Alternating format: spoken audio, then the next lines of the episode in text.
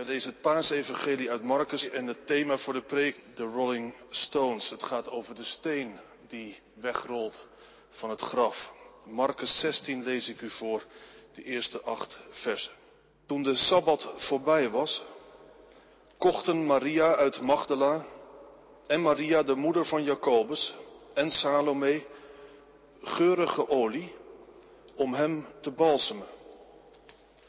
Op de eerste dag van de week gingen ze heel vroeg in de ochtend, vlak na zonsopgang, naar het graf.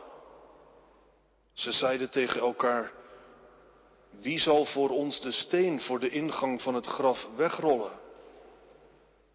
Maar toen ze opkeken, zagen ze dat de steen al was weggerold. Het was een heel grote steen. Toen ze het graf binnengingen, zagen ze rechts een in het wit geklede jonge man zitten. Ze schrokken vreselijk. Maar hij zei tegen hen, wees niet bang. U zoekt Jezus, de man uit Nazareth, die gekruisigd is. Hij is opgewekt uit de dood. Hij is niet hier.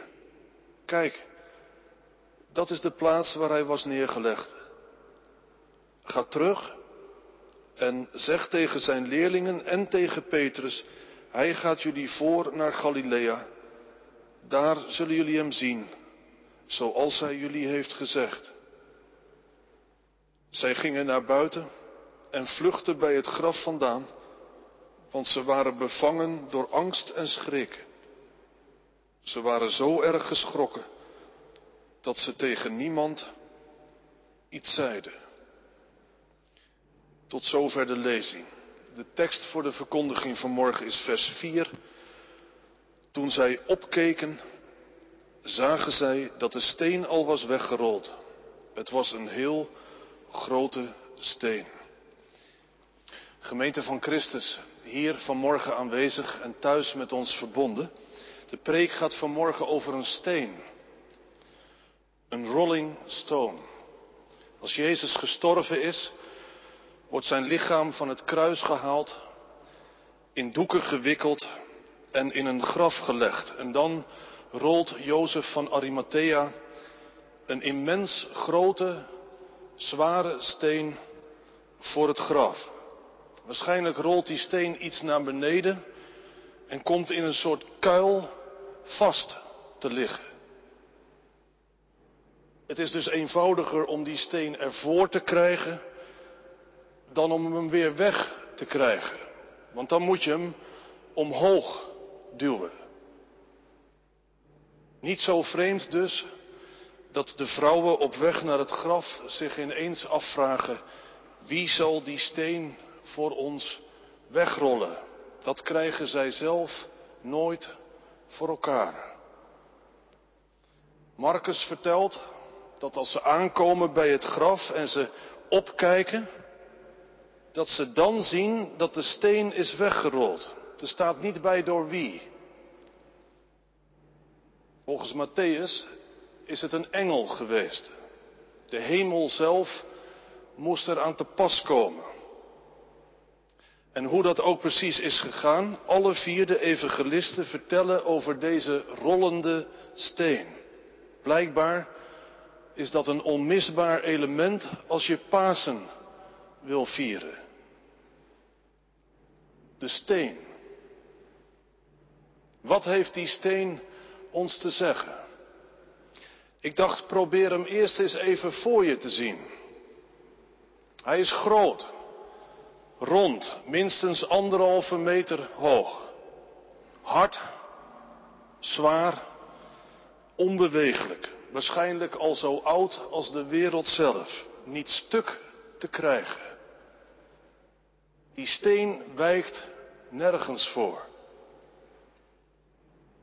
Die steen ligt voor het graf van Jezus. En daarmee is die steen het symbool voor de keiharde en onomkeerbare waarheid dat Jezus dood is. Definitief dood. Daar is geen beweging meer in te krijgen. Je zou door verschillende ogen naar die steen kunnen kijken. Bijvoorbeeld door de ogen van de vrouwen. Dan symboliseert die steen, denk ik, de zwaarte van hun verdriet en van hun ontreddering. De dood van Jezus drukt zwaar op hun hart. Want zij hebben intens van hem gehouden. En Jezus had veel in hun levens losgemaakt. Hij had hen ontroerd. Zij herkenden in Jezus iets van hoe het leven zou kunnen zijn. In Jezus stond ineens een heel ander leven voor hen. En dat had ze geraakt en dat had ze in beweging gebracht. Jezus had hen hoop gegeven. De hoop dat een ander leven vlakbij was. Hij liet hen geloven in God. In de kracht van liefde, van vergeving en van genade. Het was zo mooi. Het was een nieuwe lente voor hen. Maar nu, nu is hij dood. En daarmee is ook al hun hoop en alles waar zij in geloofden gestorven. Het is voorbij. En het ligt weggestopt achter die loodzware steen. En het komt nooit meer terug. Die steen zou je kunnen zeggen is de grens tussen het heden zonder Jezus en hun verleden waarin hij nog wel was. Je kunt dus naar die steen kijken door de ogen van die vrouwen. Je kunt ook naar die steen kijken door de ogen van de Romeinse en de Joodse leiders. De zittende macht, zo gezegd. Voor hen verbeeldt die steen de macht en de controle die zij hebben over de samenleving. Deze leiders die wisten heel goed dat hun macht gebaseerd was op leugens. Daar weten wij inmiddels ook alles van. De Joodse godsdienstige leiders die gooiden het voortdurend op akkoordjes met de Romeinen om hun positie vooral niet te verliezen. En de Romeinen op hun manier, die brachten zogenaamd vrede in het land, Romeinse vrede, maar die vrede was eigenlijk niets anders dan je gewoon onderwerpen aan de keizer. Hun macht was gebaseerd op leugens en op allerlei compromissen. Maar dat hadden ze graag over voor hun positie en voor alle privileges die dat bracht. Jezus, die vormde al snel een bedreiging voor hun positie. En toen ze merkten dat hij het volk in beweging kreeg, toen besloten ze gezamenlijk om hem zo snel mogelijk kalt te stellen, onschadelijk te maken. En dat is gelukt. Hij is dood. Er ligt een zware steen voor zijn graf. Al het gevaar is geweken. Die steen die verbeeldt door de ogen van de zittende macht de macht en de controle die ze hebben om ook Jezus tam te maken en onschadelijk. Als jij ons komt hinderen in ons fijne leventje, dan werken we jou eruit. Dat is de steen door de ogen van de zittende macht. Ik zat te denken, je kunt ook nog van binnenuit naar die steen kijken. Ik bedoel door de ogen van Jezus. Waarom kwam Jezus naar deze wereld? De apostelen vertellen ons dat hij gezonden is door de Vader. In de Zoon wilde de Vader dicht bij ons mensen komen. De Zoon was gezonden om God en mensen te verbinden. Daarom leefde Jezus dicht bij God en dicht bij de mensen. En je zag het gebeuren als Jezus ergens kwam, dan brak er in mensenlevens iets door van God. Maar toen kwam het kruis. De mensen keerden zich tegen hem en ze lieten Jezus alleen. En toen, toen liet zijn vader hem alleen. Zo is hij gestorven. En nu ligt hij in een graf, afgesneden van de mensen en afgesneden van de Vader. Dat is het tegenovergestelde van zijn roeping. Door de ogen van Jezus symboliseert die steen het leven waarin de zoon gescheiden is van de Vader en van de mensen. En waar mensen dus gescheiden zijn van de Vader.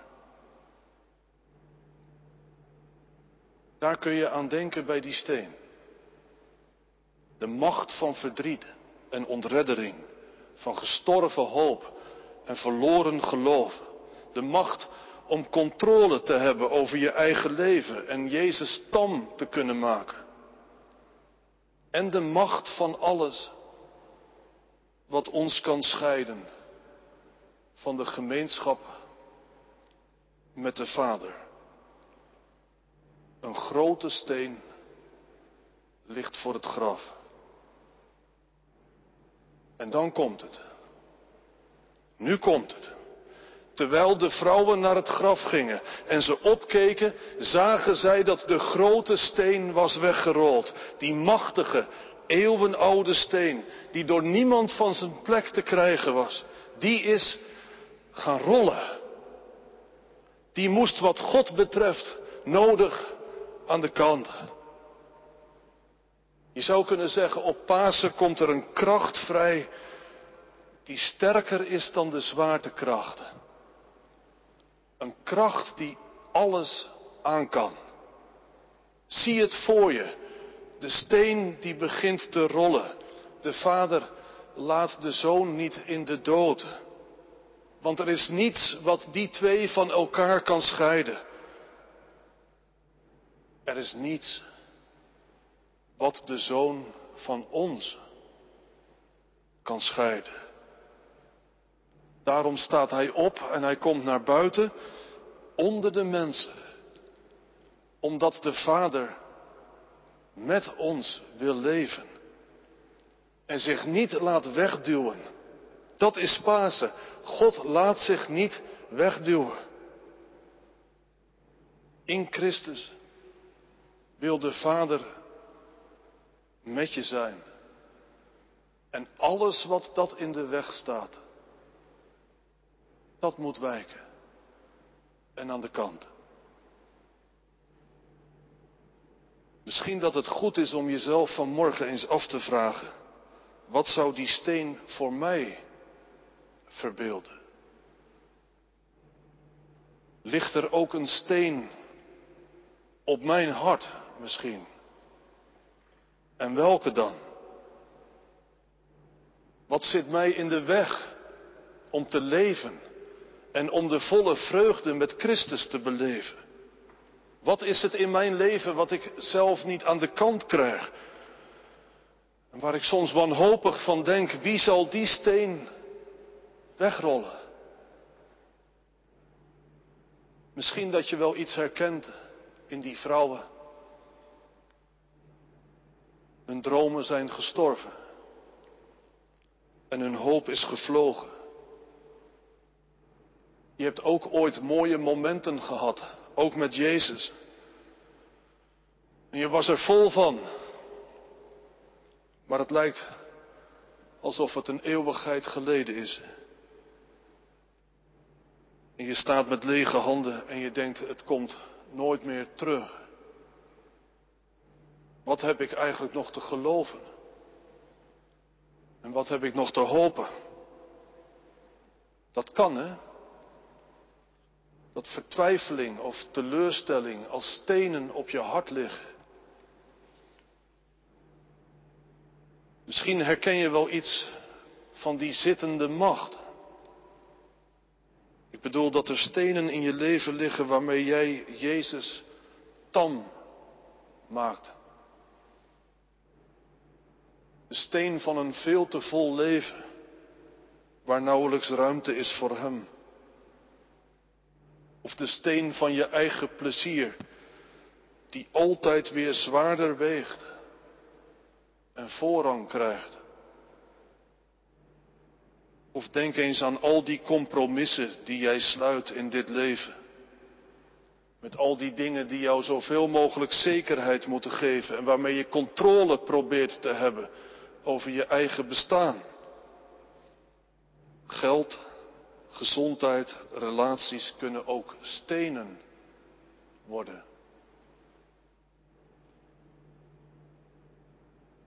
Ik denk dat je wel weet wat het is bij jou. Waar je Jezus mee op afstand kan houden. Maar het ontbreekt je aan de moed en aan de kracht om die stenen aan de kant te schuiven. Of misschien is er wel de steen van de onzekerheid, ook tot God. Je denkt altijd dat anderen dichter bij God leven dan jij. Want bij jou lukt bidden niet zo goed. Of een hardnekkige zonde woekert maar door. Je hebt het al zo vaak laten afweten. En dan voel je je daar weer onzeker over, want als je echt gelooft, dan zou je toch. Die onzekerheid kan een sterke kracht zijn. Een zware last die je altijd de vreugde van het leven met God ontneemt. Ik wil maar zeggen, gemeente stenen genoeg. Maar nu is het Pasen. En Pasen betekent er gaan stenen rollen. Zie het even voor je en probeer de verbazing te voelen. Er komt opstandingskracht vrij. Een kracht die elke steen aan de kant krijgt. Ook die van mij. Ook die van jou. Als dat waar is. En het is waar. Dan kan je leven altijd anders worden. En nieuw. Vandaag nog. Voor die vrouwen verandert alles. En heel subtiel zegt Marcus dat dat gebeurt als zij opkijken. Dat is een kernwoord in het paasevangelie. Opkijken. Niet naar beneden kijken. Niet berusten in hoe het nu eenmaal is. Niet denken dat wordt toch allemaal nooit meer anders. Maar opkijken. Dat is in de taal van de Bijbel je openstellen voor de verrassende kracht van God opkijken. Ramses Shaffi schreef ooit een mooi liedje over Sammy. Sammy is een kleine jongen met een steen op zijn hart. Sammy loopt niet zo gebogen. Denk je dat ze je niet mogen? Waarom loop je zo gebogen, Sammy, met je ogen? Sammy op de vlucht. Hoog, Sammy. Kijk omhoog, want daar is de blauwe lucht. Kijk omhoog, Sammy. Paas is geen toverwoord, gemeente. Pasen ontkent niet dat er stenen op je hart kunnen liggen. Pasen, dat is een weg om te gaan. En dit is de weg. Kom je stenen onder ogen. Wat is het wat drukt op mij en op mijn leven? Wat hindert mij vandaag om de volle gemeenschap met Christus te beleven. En dan opkijken. Dat is met je stenen naar Jezus gaan. En zeggen, Heer, hier ben ik. Met mijn angst, met mijn ongeloof, met mijn onzekerheid, met mijn gemis aan hoop, met mijn moeite om lief te hebben in mijn gezin, met mijn veel te volle leven met mijn gebrek aan kracht. Hier ben ik.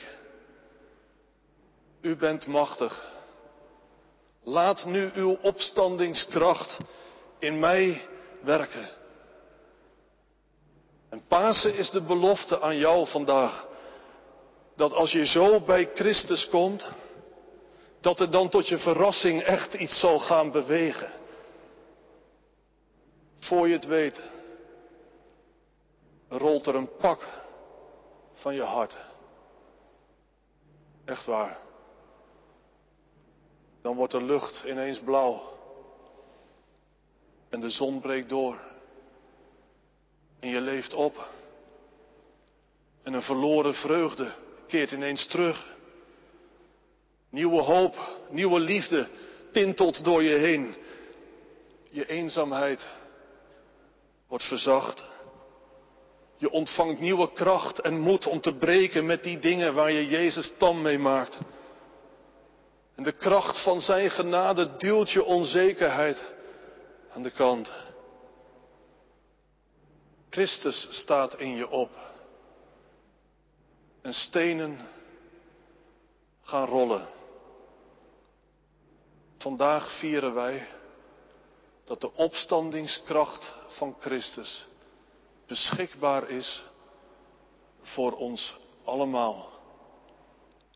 Er staat God echt niets meer in de weg om vandaag met mij en met jou iets heel nieuws te beginnen. Amen.